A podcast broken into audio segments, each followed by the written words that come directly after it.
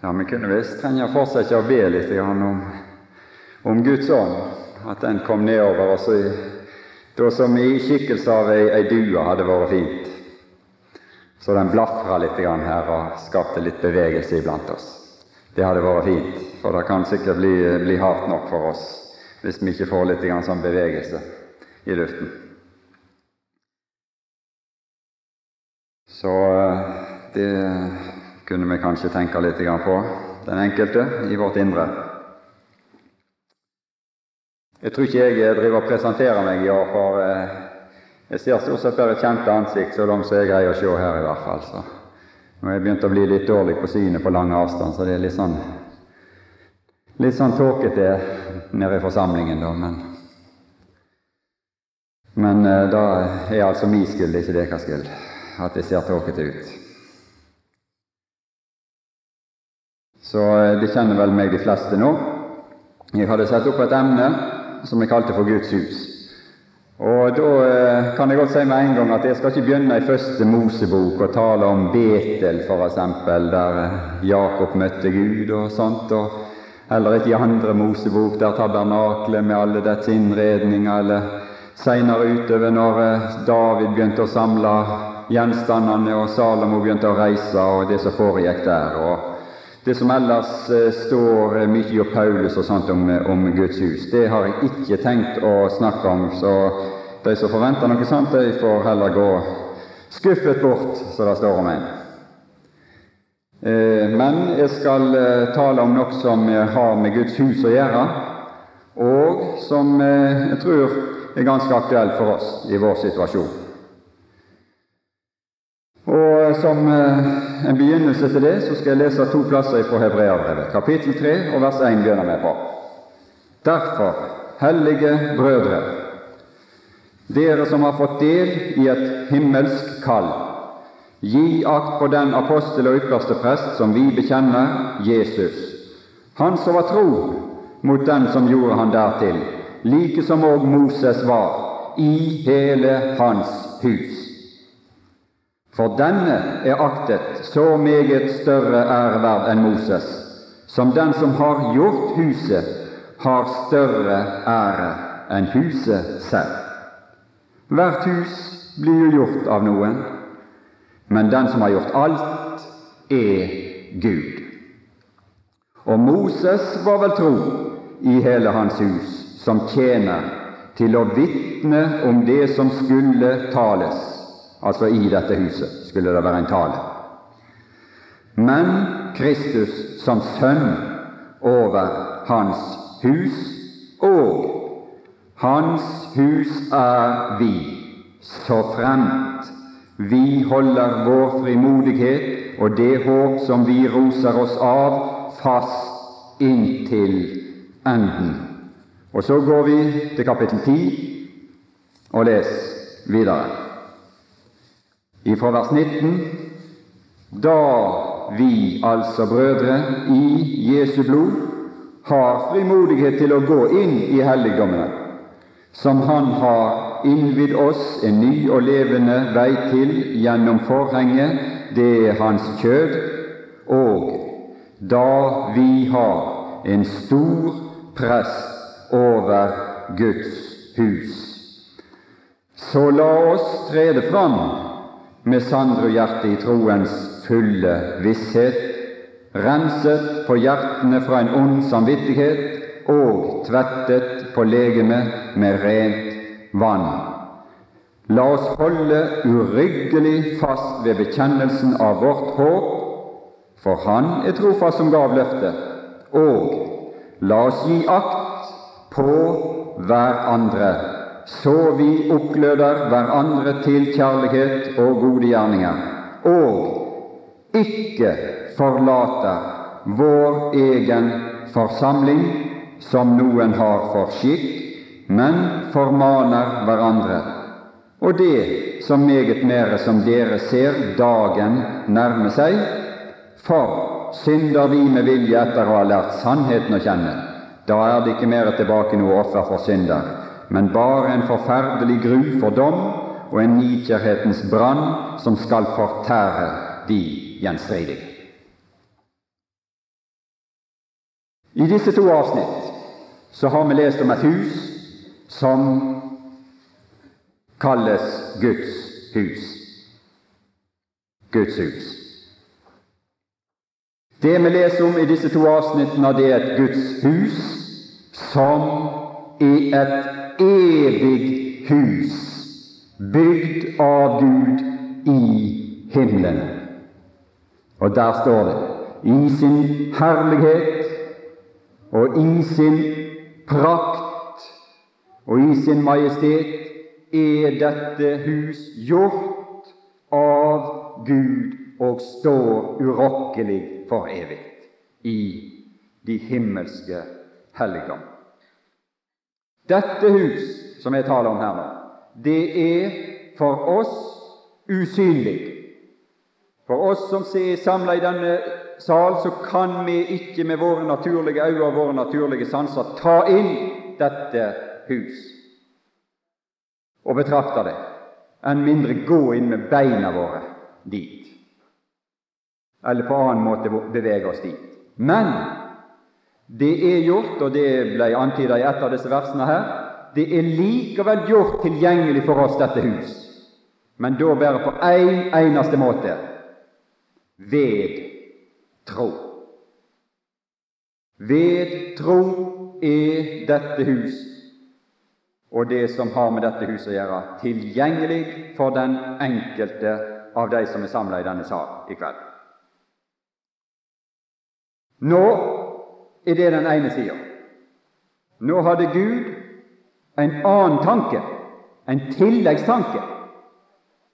Og det som Gud ser for seg, og det som er Guds tanke i tillegg til dette huset oppe i himlene, det er at på denne jordens overflate, iblant Hans folk, skal det opptre og synliggjøres et Guds hus i denne verden og på denne jordens overflate. Det skal være en synlig størrelse. Og det er uttrykt her i kapittel 3 og vers 6. Hans hus er vi. Og de vi som det taler om her, det er troens folk i denne verden. Hans hus er vi. Og det er uttrykt på en annen måte, kan du si, da, i, i kapittel 10 og i, fra vers 24. Bare noen ord der. Hver andre hver andre. Og i vers 25 vår egen forsamling, og i vers 25 hver andre. Det taler altså om ei samling av mennesker som bekjenner troen, som bekjenner seg som Guds barn. De skulle til sammen utgjøre et Guds hus som en synlig størrelse i denne verden og innholdet i dette Guds hus i denne verden. Den virksomheten som skal skje der. Det som det skal gjøres på inni dette huset.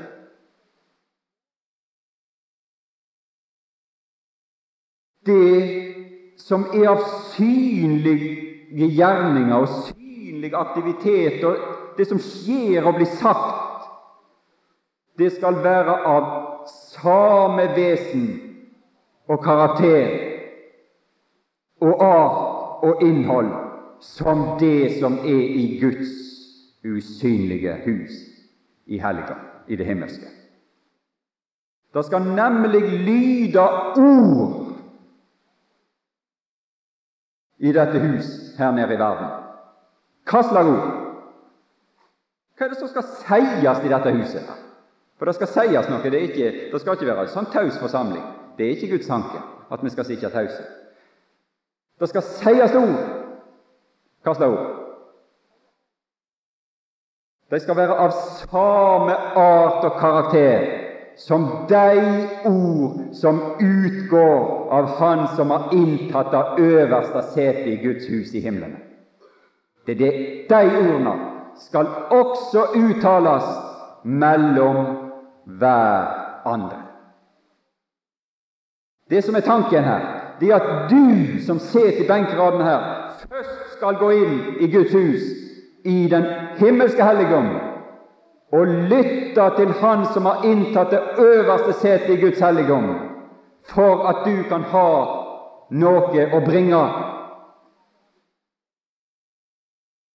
oss imellom, nemlig det som heter hverandre.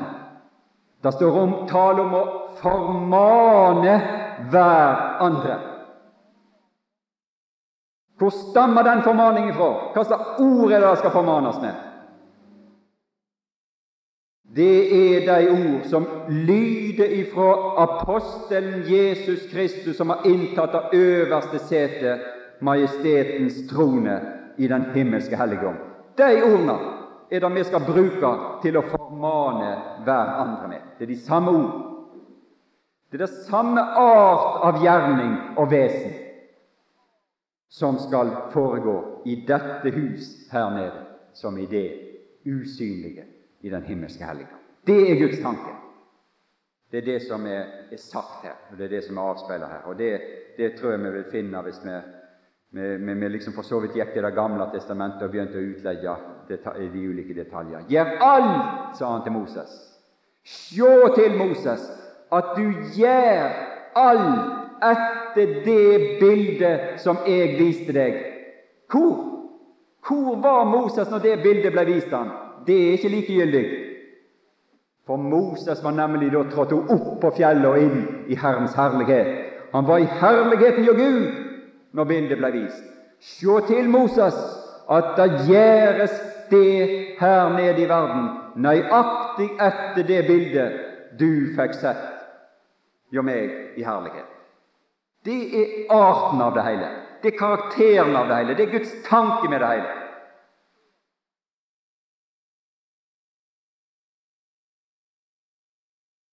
Det skal lyde ord mellom oss, slik ordene lydde til oss ifra Han som sitter på tronen i helligdom. Nå er det slik at det er ingen makt, og det er ingen kraft, og det er ingen hære, og det er ingen fiende eller noen ting som kan rokke ved den himmelske helligdom, Guds bolig, Guds helligdom. Den er urokkelig, den er uangripelig, den er evig. Det står fast. Det, det, det, finnes ikke noe som kan gå til angrep der. Men når det gjelder Guds hus i den synlige verden, Guds hus iblant oss, så er her krefter som velter fram for å ødelegge og legge i ruiner og, og, og, og bryte ned dette Guds hus. Det kan ødelegges. Og det ikke bare kan ødelegges, det er blitt ødelagt, og det er blitt lagt i grus, slik som det skjedde også i den gamle pakt.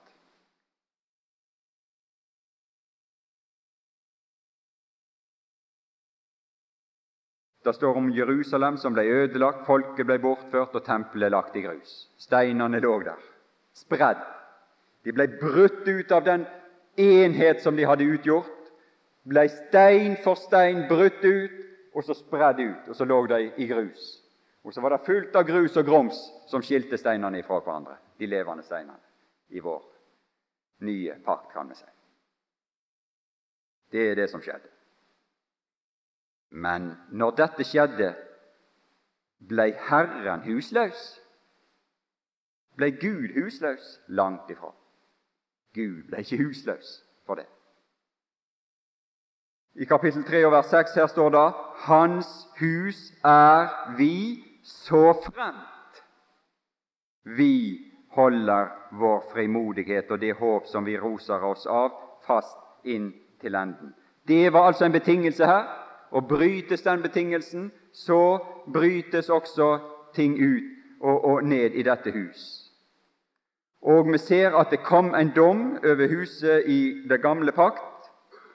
Eh, hvis vi leser f.eks. i profeten eh, Habakuk, så står det i kapittel 1 og vers 6 der, der Gud viser profeten at kaldeerne skal komme, et vilt og voldsomt folk, som skal komme også til Jerusalem, innta Jerusalem, bortføre folket, legge Jerusalem som by øde og legge tempelet i grus.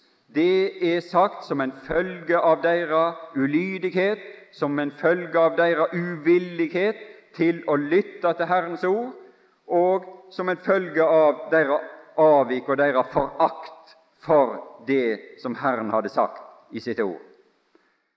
Men så står det i kapittel 2 og vers 20 i samme, i det, gjør den samme profet. Men Herren ble ikke husløs når, når, når, når det ble lagt øde i Jerusalem.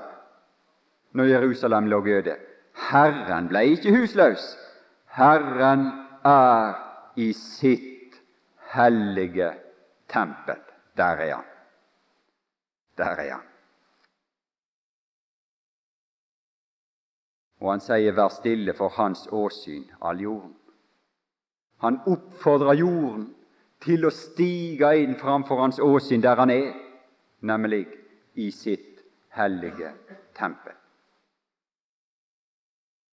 Nå var det slik, og ble det slik seinere, at han i sin miskunnhet mot folket, mot Israels barn mens de var, etter de var bortført, så, så, så sa han nå kan de dra tilbake så fikk de tillatelse til å dra tilbake og bygge opp igjen noe av dette Herrens hus i all skrøpelighet. Og det var en liten flokk, et lite utvalg, som under mange forferdelige anstrengelser og mye motgang så smått begynte å reise noe i, i, der i Jerusalem. Og da står det om Herren i Sakarias 2, og på slutten i Sakarias 2 så står det om Herren at da steg han fram ifra sitt tempel for å forene det som var i hans tempel der oppe, med den virksomhet som de gjorde der nede.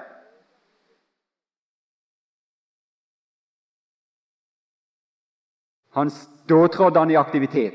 Da var det Gud som skulle bevege seg imellom i sin helligdom. Og da utvider han sin helligdom til også å innbefatte dette på mange måter skrøpelige byggverk og som det ble sagt så mye negativt om, som var begynt å bli reist i Jerusalem. Men Herren hadde velbehag i det, og han bevegde seg ned der. Og han, han, han, han begynte å, å, å, å, fylle det tempelet også. Så det, det skal vi kanskje komme litt til.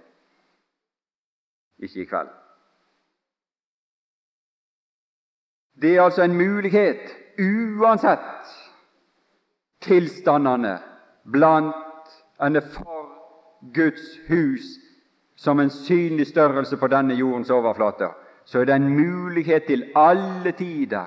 Åpent adgang er det for de som vil trede fram for Han i Hans helligdom. Og det er en framtreden som er ved tro. Det kan aldri bli på en annen måte. Det skjer ved tro. Ved tro.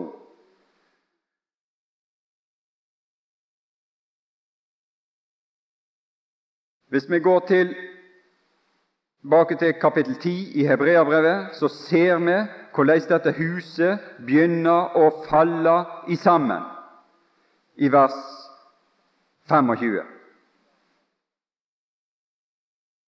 Der står det ei formaning om å ikke gjøre slik som noen har fått for skikk. Hva er det noen har fått for skikk? Nemlig å forlate sin egen forsamling. Å forlate den samling, de sammenkomster, som hadde noe av dette preg og dette innhold, som også er i den, det himmelske hus. For har det ikke det, så er det ikke vår egen forsamling. Da kan vi godt kalle det for en forsamling. Vi kan godt kalle ting for en forsamling. Men det er ikke vår egen forsamling hvis det ikke har noe av preget og innholdet og vesenet av det som er i helligdom. Det er det som er vår egen forsamling. Det har ingenting med, med eller en lokal forsamling eller noe sånt liksom, så det blir av og til brukt dette her ordet. her. Det har absolutt ingenting med det. Det kan ikke anvendes på, på, på sånn måte at liksom, du skal ikke forlate din for egen forsamling, som de sier av og til. sånn. Jeg, jeg brukt dette her ordet sånn. Det har ingenting med sanne ting å gjøre. Det er ikke det som ligger i det i det hele tatt. Men det er arten, det er karakteren av forsamling, som det her er tale om når det tales om vår egen forsamling. Det er en samling der det er Herrens ord, der det er Hans tjeneste, hans gjerning, hans gjerning som apostel og som ypperste prest, som er beskreven i de tidligere kapittel her. Det skal ha noe av dette sitt innhold. Og Hvis det ikke er det ikke forsamling, da er det ikke vår egen forsamling. Og det er noen som har fått det for skikk å forlate det, men vi formaner hverandre, osv. Og da, da så, så, står det videre her, og, og, den synd som står tale om her i vers 26, det er den synd som er årsaken til at dette Guds hus bryter sammen og ramler sammen. Nemlig det at man, for, man vender seg ifra Guds ord, man vanner seg ifra Guds tale. Man bryr seg ikke om det Gud har sagt. Man er ikke villig til å innrette seg etter det som Gud har sagt. Man liksom bryr seg ikke. Man, man vender seg bort ifra det. Det er det som er, er, er synd, forsyndervis, som det står her. Det er den synd det taler om. Du kan lese om det i kapittel 3 og 4 der. Når det står tale om, Da ser vi det at det var for vantro skyld ikke, ikke kom inn. Det, det det, og så står det om at vi ikke måtte synde på like måte som deg synder ved vantro, trekker seg unna Guds tale, ikke bry seg om det som Gud har sagt. Hvis du vil gå fortapt, så ikke bry deg om det som Gud har sagt. Hvis du vil at livet ditt skal bli ødelagt og gå fortapt, så ikke bry deg om det som Gud har sagt. Vend deg bare bort ifra det. Still deg likegyldig til det. Ikke vær interessert i det. Ikke innrett livet ditt etter det. Så kan du være helt brennsikker på én ting, så skal livet ditt i denne verden gå tapt. Du skal tape livet ditt.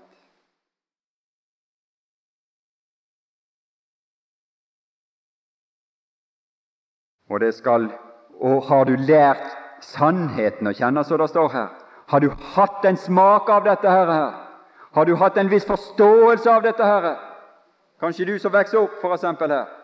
Eller vi som er eldre. Vi behøver ikke ekskludere oss sjøl om vi har levd med Gud i mange år for disse ting.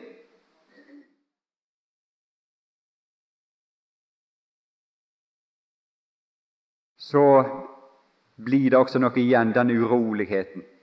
Så blir denne gruen, denne forferdelsen, denne, den, denne tanken på at det er en brann som skal fortære livet mitt i denne verden. Når det skal fram for Gud, når mitt liv, mitt livs innhold i denne verden skal prøves innenfor Gud, innenfor Kristi domstol, så er det en brann som brenner opp.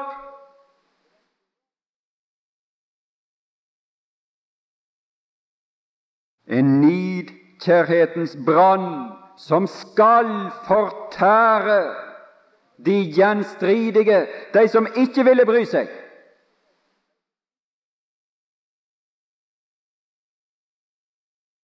De som sa at 'jeg vil gå min egen vei'. Jeg vil, jeg, vil, jeg vil, ha mitt eget liv. Jeg vil, med, jeg vil, ikke bry meg om det som Gud har sagt, når jeg skal innrette meg i mitt liv.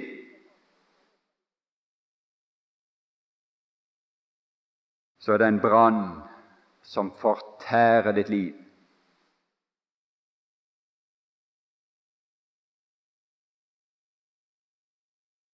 Det er det som står her. Årsaken til at dette huset ramler sammen for din del, det er når du forlater og ikke bryr deg om det som Gud har sagt. Frykten for din del er at livet ditt går tapt.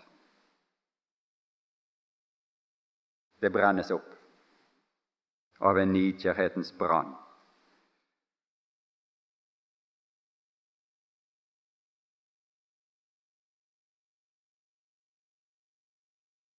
Tilbake til kapittel 3. Og vers 6. Der står det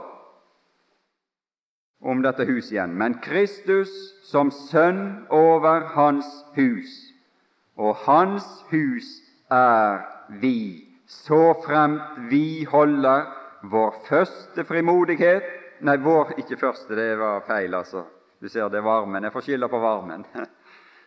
Men det er vel min egen skyld. Så fremt vi holder vår frimodighet og det håp som vi roser oss av, fast Hvor lenge? I dag? I morgen? Noen dager? Neste uke? Et par måneder? Og så gir vi opp. Niks. Inntil enden. Det er varigheten. Det er ikke noe bedre varighet som er Det er ikke noe annen varighet som, som gjelder. Inntil enden. Vi leser i Hebreabrevet om to dager. I kapittel 3 så står det om i dag. I dag. Og i dag, det er i, i morgen, i overmorgen osv. sånn framover òg. I dag, om du hører. Ikke i går, om du hørte, men i dag, om du hører. I dag, om du hører. I dag, om du hører. I dag, om du hører Hans røst.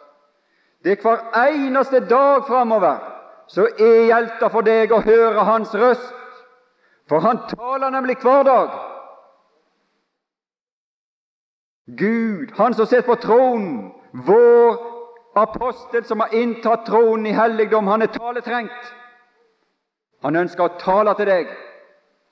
En apostels oppgave er å tale. Hans oppgave er å vitne om det som skal tales, og framføre de ordene. Det er det som er oppgaven hans. Og den oppgaven vil han, vil han gjøre overfor deg hver dag. I dag, i dag, i dag, i dag, i dag. Hvor lenge? Kapittel 10,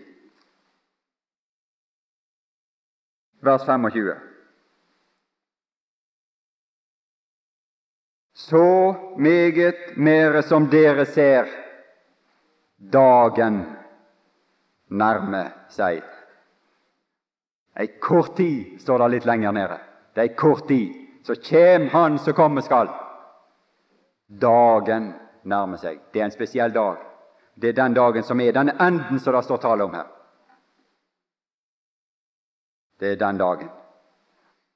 Men inntil den dagen så er det i dag, i dag, i dag, i dag, i dag. Om og om og om og om igjen for oss.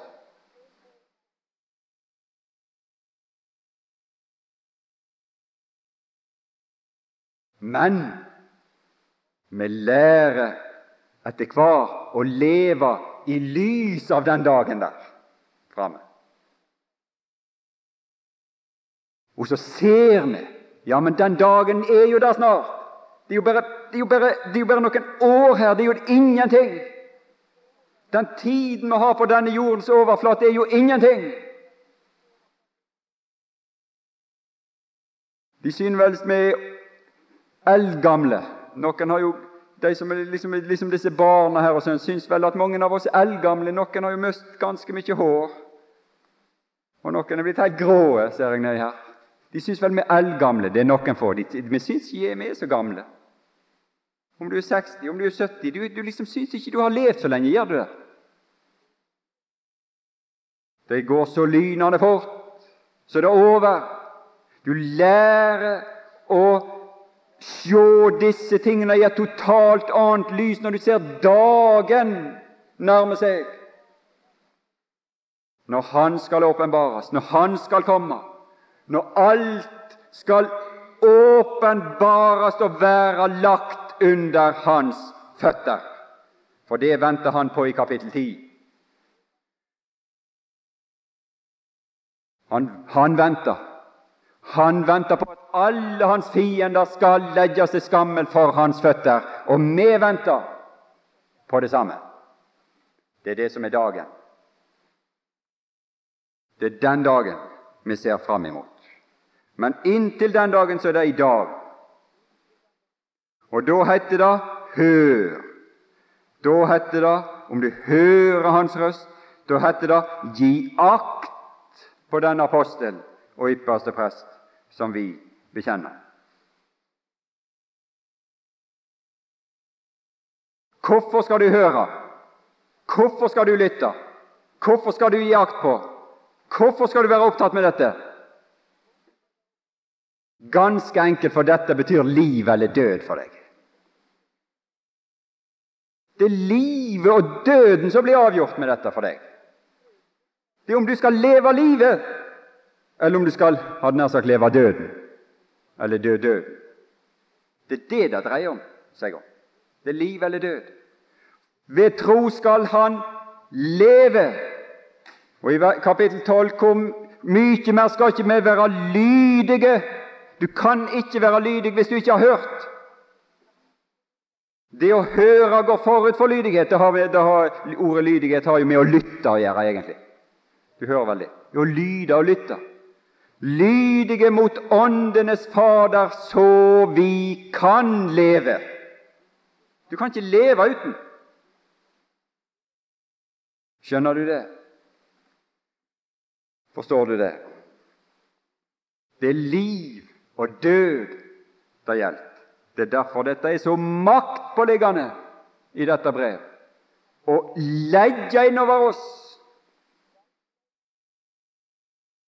så vi ikke skal begynne å gå i ring av vantro, slik som Israels barn og Guds folk gjorde i ørkenen en gang. Og det er null framgang. Og det er ingen framgang, ingen åndelig framgang i våre liv. Det skal være framgang i våre liv. Det er Guds mening at det skal være framgang. Det skal erobres noe nytt. Et lite nytt steg der, et lite nytt landemerke der, et lite nytt utsyn der. Det er ikke meninga at vi skal gå i ring og være på samme plassen i ei ørken, og så inntil vi dør, og så blir vi plukka opp. Men den framgangen er betinget av at vi lyder og lytter og har en ønske om og en vilje til å si at 'jeg vil gå', jeg ønsker å være lydig Gud. Og jeg vil gå, jeg vil gjerne gjøre det som du har sagt. Vi må stadig, stadig inn og høre og betrakte Sønnens tjeneste i Guds hus. For Sønnen utfører ei tjeneste i Guds hus. Og endemålet på den tjeneste, det er at Faderen blir åpenbart over oss, så vi går i denne verden på samme måte som Jesus med en åpen himmel over vårt liv. Da vi løfter våre øyne opp og sier 'Fader', og når vi løfter våre øyne opp i smerte og sorg og tårer, kan det være, i kapittel 12, men så hører vi røsten ifra himmelen som sier 'Min sønn'.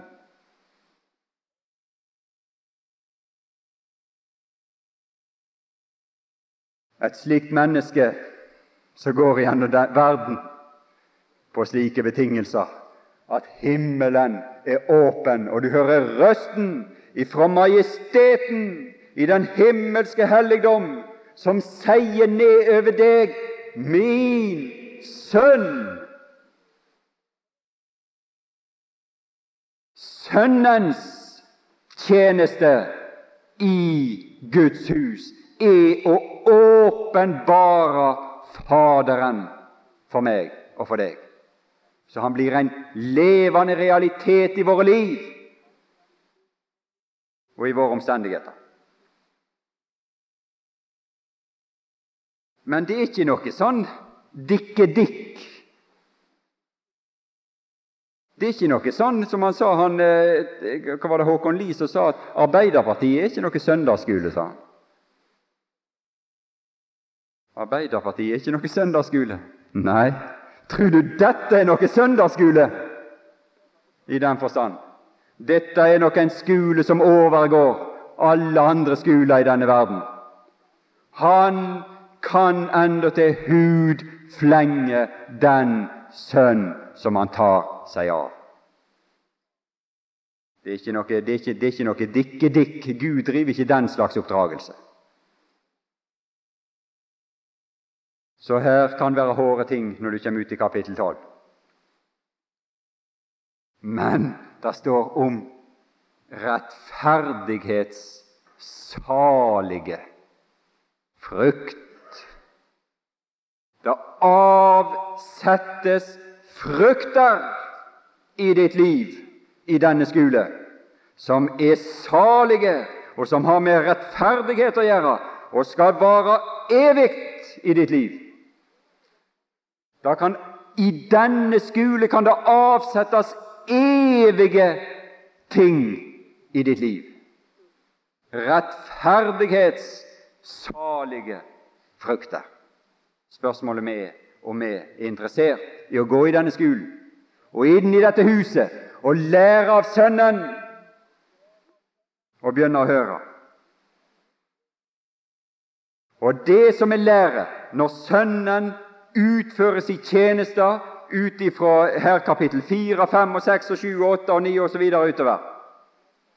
For det er det Sønnens tjeneste i huset som er beskreven, og hans gjerninger, og det han har vært gjennom, og det han har gjort, og det han er, som er beskreven i alle disse kapitlene her, i den hensikt å sette meg og deg i stand til å holde vår frimodighet og det håp vi roser oss av, fast inntil enden. Hans hus er vi, så fremt vi holder vår frimodighet og det håp som vi roser oss av, fast inntil enden. Ja, hvem er i stand til det?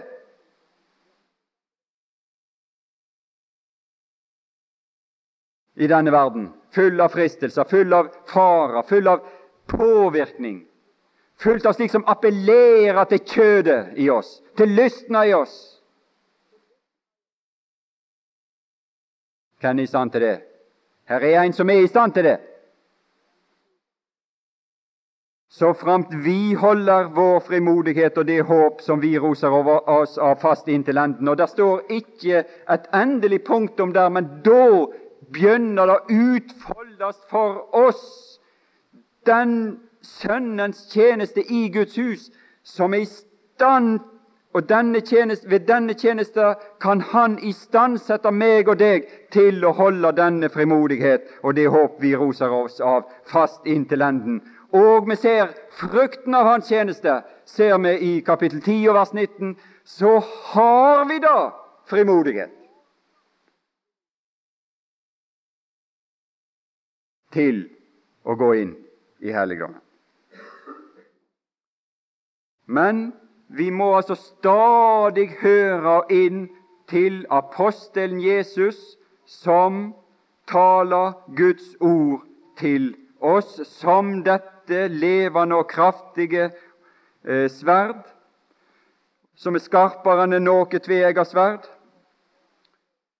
og trenger igjennom inntil det kløver sjel og ånd og ledemod og marg og dømmer Hjertets tanker og råd, og ingen skapning er usynlig for hans åsyn, men alt er nakent og bart for hans øyne, som vi har å gjøre med. Når du og meg leser Romerbrevet 12, så leser vi ikke om andre enn oss sjøl. Du leser om deg, og jeg leser om meg. Vi leser ikke om kirkefolk eller om den superlutheraneren der, eller den håpløse organisasjonstrælen og mannen der, eller, eller den superkarismatikeren der, eller den og den der, eller den pinsevennen der. Vi leser ikke om disse. Vi leser først og fremst om oss sjøl når vi leser i Skriften.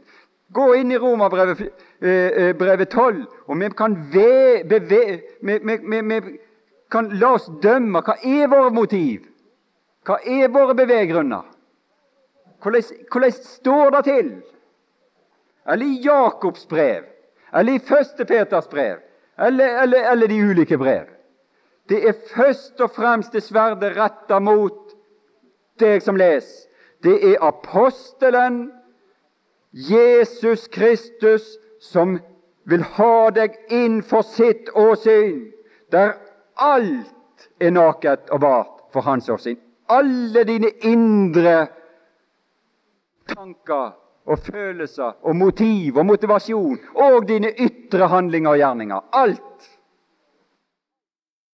innenfor Han. Hvorfor?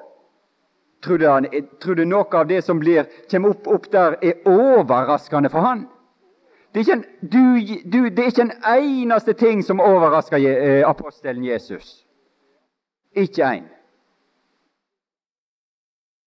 Hvorfor er det nødvendig? Det er nødvendig for din del at dette kommer opp i lyset og blir delt mellom han og deg.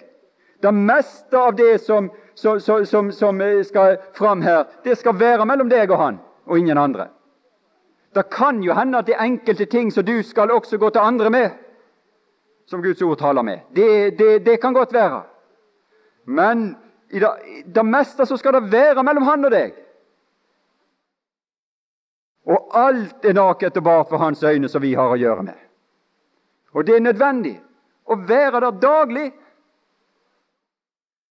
For det, Når vi kommer ut i kapittel 12, så ser vi en rettferdighetssalige frukt av dette. Og en, en, Vi kan bare nevne én av den salige frukt av dette. Det at det ikke vokser opp noe som helst bitterhet i ditt sinn. Du blir en bitterfri mann og kvinne i livet. Det er godt kan du være sikker på at det er godt. Å slippe å kjenne på bitterhet overfor noen ting som helst. Det er rettferdighets salige frukt av dette, denne framtreden her. Sjå til, brød, at ikke noen av dere viker tilbake ifra Guds nåde, står det i kapittel 12. Og det er akkurat dette som står her, denne nådestolen, der du går fram, og der alt er nakent og bart. Og der, i den kommunikasjon, i den samfunn som du har der, så, så er det mye ugras som forsvinner. Ja, og så ser du opp i Han. Så ser du opp i Hans ansikt der, så står du der inne i Guds hus, framfor tronen der Han har inntatt sitt sete og der du stiger fram i helligdommen i Guds hus, og han får betjene deg, og så ser du inn der. Alt er nakent og bart for hans åsyn som vi har å gjøre med. Men så ser du inn i det åsyn, og så ser du øyet der, og så ser du et ansikt der, og så ser du en skikkelse der som er full av medynk med dine skrøpeligheter.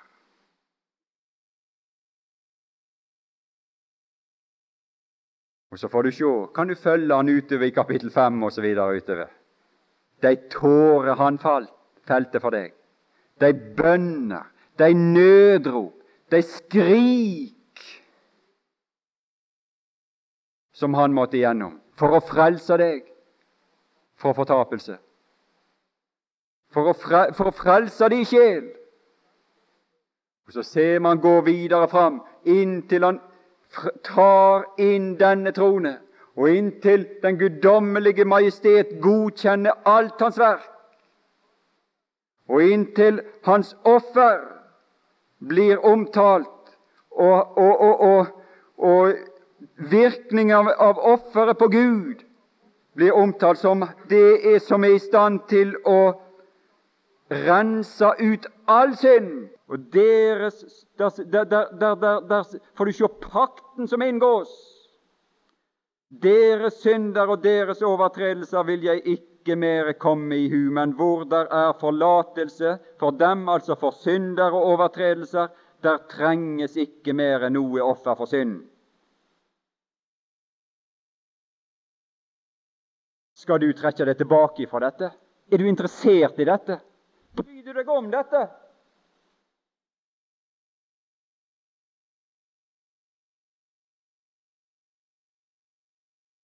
Skulle David si når han hadde synda på det groveste, hor og mord og forferdelse av synd, skulle David da trekke seg tilbake og unna Guds åsyn, unna dette lys, unna han som satt der?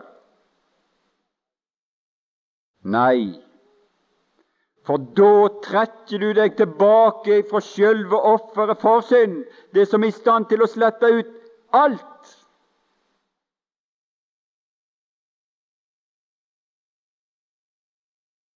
Det å trekke seg tilbake, det er nemlig i vers 29, 10-29 å trå Guds sønn under føtter. Det er å ringeakte paktens blod. Det å si at dette blod er ikke i stand til å rense mine synder, for de er sånn og sånn og sånn. Det er å håne nådens ånd. Denne nåden som er i stand til å gjenreise det djupest falne mennesket. Denne nåde som var i stand til å reise opp Paulus, som hadde blod av de hellige på sine hender, og gjør han til de han blei.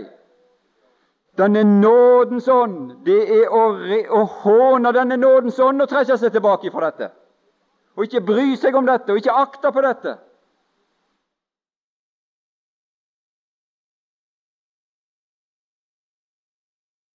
Trekker du deg tilbake, trekker du deg unna, stiller du deg likegyldig til dette, så taper du alt. Da er alt tapt. Dersom han unndrager seg, så har min sjel ikke lyst til ham. Gud har ikke spurt om hvor bra eller fin eller snill eller sånn og sånn du er. Han har spurt etter ditt hjerte, og han har spurt etter din tro. Han har spurt etter ditt øre, din vilje til å høre. De menneskelige egenskapene, dine, dine trang, dine lyster, dine drifter, dine, dine gjerninger, din alt, det vet han om. Det kan han på fingrene. Han kjenner deg ut og inn i alle deler. Han har ikke spurt etter om du har svake eller sterke sider eller karakterer slik du er nå født. Noen er født snille og medgjørlige og, og, og nesten så, så, så, snille at de gjør aldri noe galt. Men andre er født på en annen måte, med, med, med sterkere liksom sånn egenskap og sinne som går opp der så fort som ingenting, og, og, og så videre. Og så løper de over seg. Gud har ikke spurt etter den slags ting. Han spør etter ditt øre. Han spør etter din vilje til å lytte. Han spør etter ditt hjerte, som David. Han vil ha deg inn til seg, inn i helligdommen, inn i huset, for at du skal lære Han å kjenne der, for at Han skal tale med deg der, for at Han skal ha samfunn med deg der for at det skal avsettes rettferdighetssalige frukt i ditt liv der. Og så kan du gå ut av Ja, ikke gå ut. Du kan gå inn i den samme helligdommen av samme karakter her nede, og så kan det hende du kan være med. Ikke sikkert du skal stå på en talerstol og proklamere dette, men det kan hende du skulle gi et ord der, en formaning der, til en bror, til ei søster. Kan hende du skulle være med og si noe der, noe der, noe der, og også i forsamlingen, når vi samles. Si noe ifra helligdommen. Si noe ifra ordet. Si noe av de samme ord som han har sagt til deg. Taler nok om hans tjeneste. Vitner, fører fram, opphøyer Sønnens tjeneste og egenskaper iblant oss. For det er gjerninger som skal gjøres. Og det er forskjellige ting som skal gjøres. Når du kommer ut i kapittel 12 og 13, så er det forskjellige ting som skal gjøres iblant Guds folk. Forskjellige egenskaper som, som skulle være avsett der. Forskjellige ting som skal gjøres iblant Guds folk. Og I kapittel 13, 21 så står det om all god gjerning. Den skal utgå ifra denne helligdom. All god gjerning. Gjerninger. Det var noen gjerninger som skulle gjøres. Ja, det var dette som var, ble, var blitt så vanskelig for disse hebreere, og som de blir så kraftig oppmuntra til og stimulert til her. Og så kraftig sies det i vers 5, 10, 35.: Kast derfor ikke bort deres frimodighet, som har stor lønn. Det avsettes verdier i deg som du skal beholde for evig.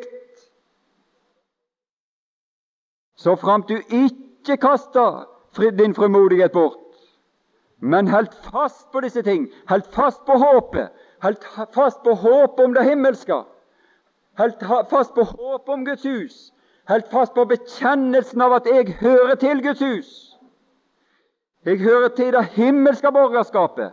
Vårt rike i himlene. Vi har et hus som ikke rystes, som ikke skal være gjenstand for omskiftelser, som ikke skal legges i grus sånn som alt annet i denne verden. Alle hus, alle eiendommer, alle konti, alle store gjerninger i denne verden, de skal legges til grus.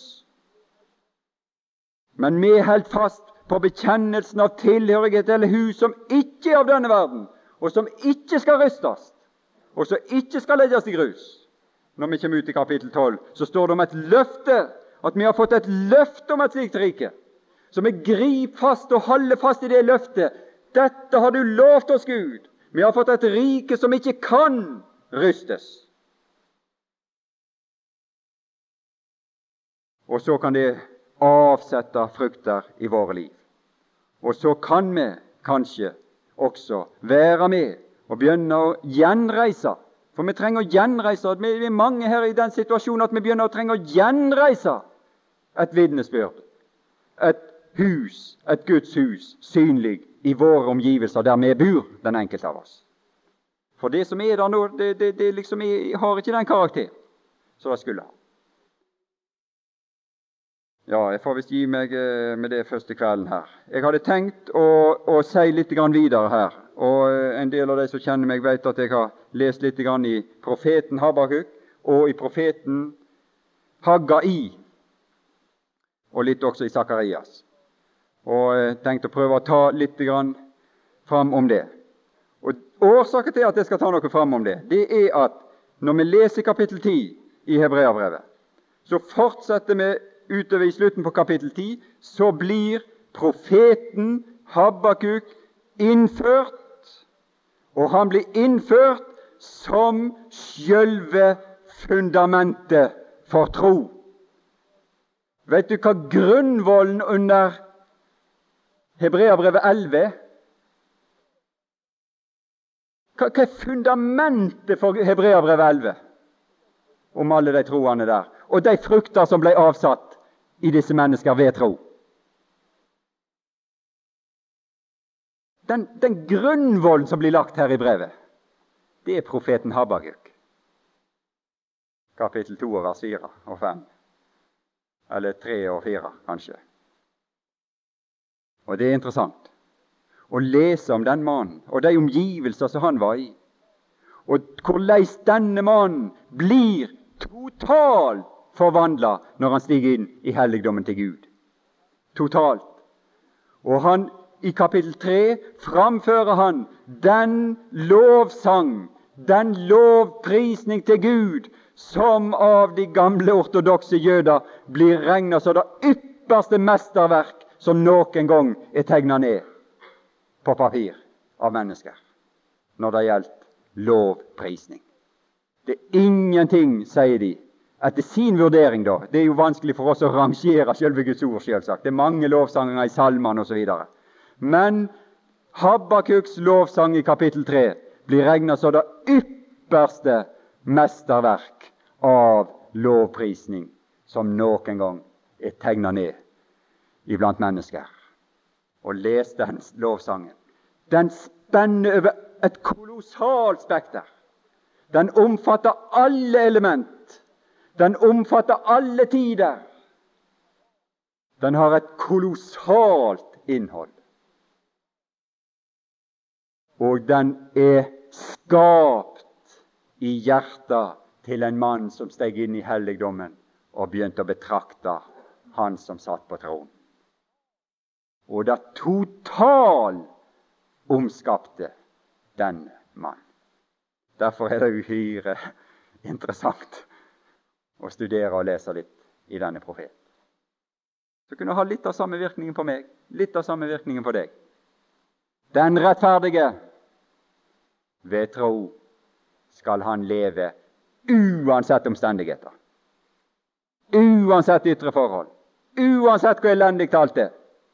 Den rettferdige ved tro skal han leve. Og livet bryter fram og blomstrer fram i det innvortes profet. Så den, den profeten som begynner med en klagesang, det ender i den fulle jubel. Og Litt seinere så skal vi prøve å gå over, hvis det, det går sånn som jeg har tenkt noenlunde. Vi får se, se, på det, da. Det er jo ikke så mye tid, egentlig, som vi har til rådighet. sånt. Men vi kunne skrape litt på overflata, i hvert fall. Og se også på dette Guds hus. Når profeten Haggai, som er sitert, med sitt løfte om denne tilknytningen til den himmelske helligdommen og det som vi er med å bygge her, i Hebreabrevet 12 er det et sitat der det er omtalt som et løfte. Og han kom i ei forferdelig vanskelig tid, i ei tid der forvirringen var total, og der maktesløse synes å, å, å liksom ha, ha, ha, ha overvunnet. De hengende hender, de maktløse knær, prega Guds folk i Jerusalem i forbindelse med Guds hus iblant de. Det var det som prega de. de hadde, det var full det var, altså kraft og overflod og innflytelse når det gjaldt egne hus. Det var ingen mangler. Men når det gjaldt Guds hus, så var det skjelvende hender hengende hender og skjelvende knær og maktløse kne og alt sånt som, eh, som, som, som, preger situasjonen. Så ble det sendt inn to profeter, Haggai og Sakarias, for å tilskynde, oppmuntre, og så skjedde det noe. Og Det var det som var mitt håp og min bønn, at det kunne skje noe med meg og med deg ved å lese litt her. Herre Jesus,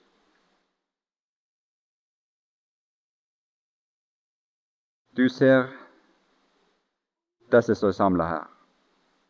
Du ser plassen vi bor på. Du ser våre omstendigheter, du ser vår personlige situasjon. Du ser alt. Herre Jesus, vi ber om nåde i denne tid, der røstene hagler inn gjennom ørene våre, der det er røster i alle retninger om nåde til å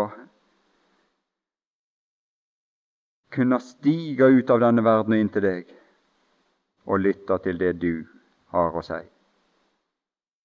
Og at vi kunne få nåde til å være med og utbre noe av det du har å si, iblant oss og mellom hverandre, og være nåde til å være med og bygge noe for deg i denne korte, korte, korte tid inntil dagen lyser fram. Herre Jesus, vi ber for dette folk som er samla her, den enkelte. Vi ber for disse dager, og vi får disse dager, at det måtte bli noe ifra himmelen til den enkelte. Herre Jesus, vi takker deg fordi du har åpenbart deg som den miskunnelige og trofaste ypperste prest, og at du som gav løftet, du er trofast. Herre Jesus, vi takker og priser deg for din frelse, for din død. Vi takker deg fordi du er vår Herre nå. Du er den høge Guds tjener, du er Sønnen i Guds hus, som skal tjene oss i dette hus. Og Herre, gi oss nåde til å la oss tjene av deg.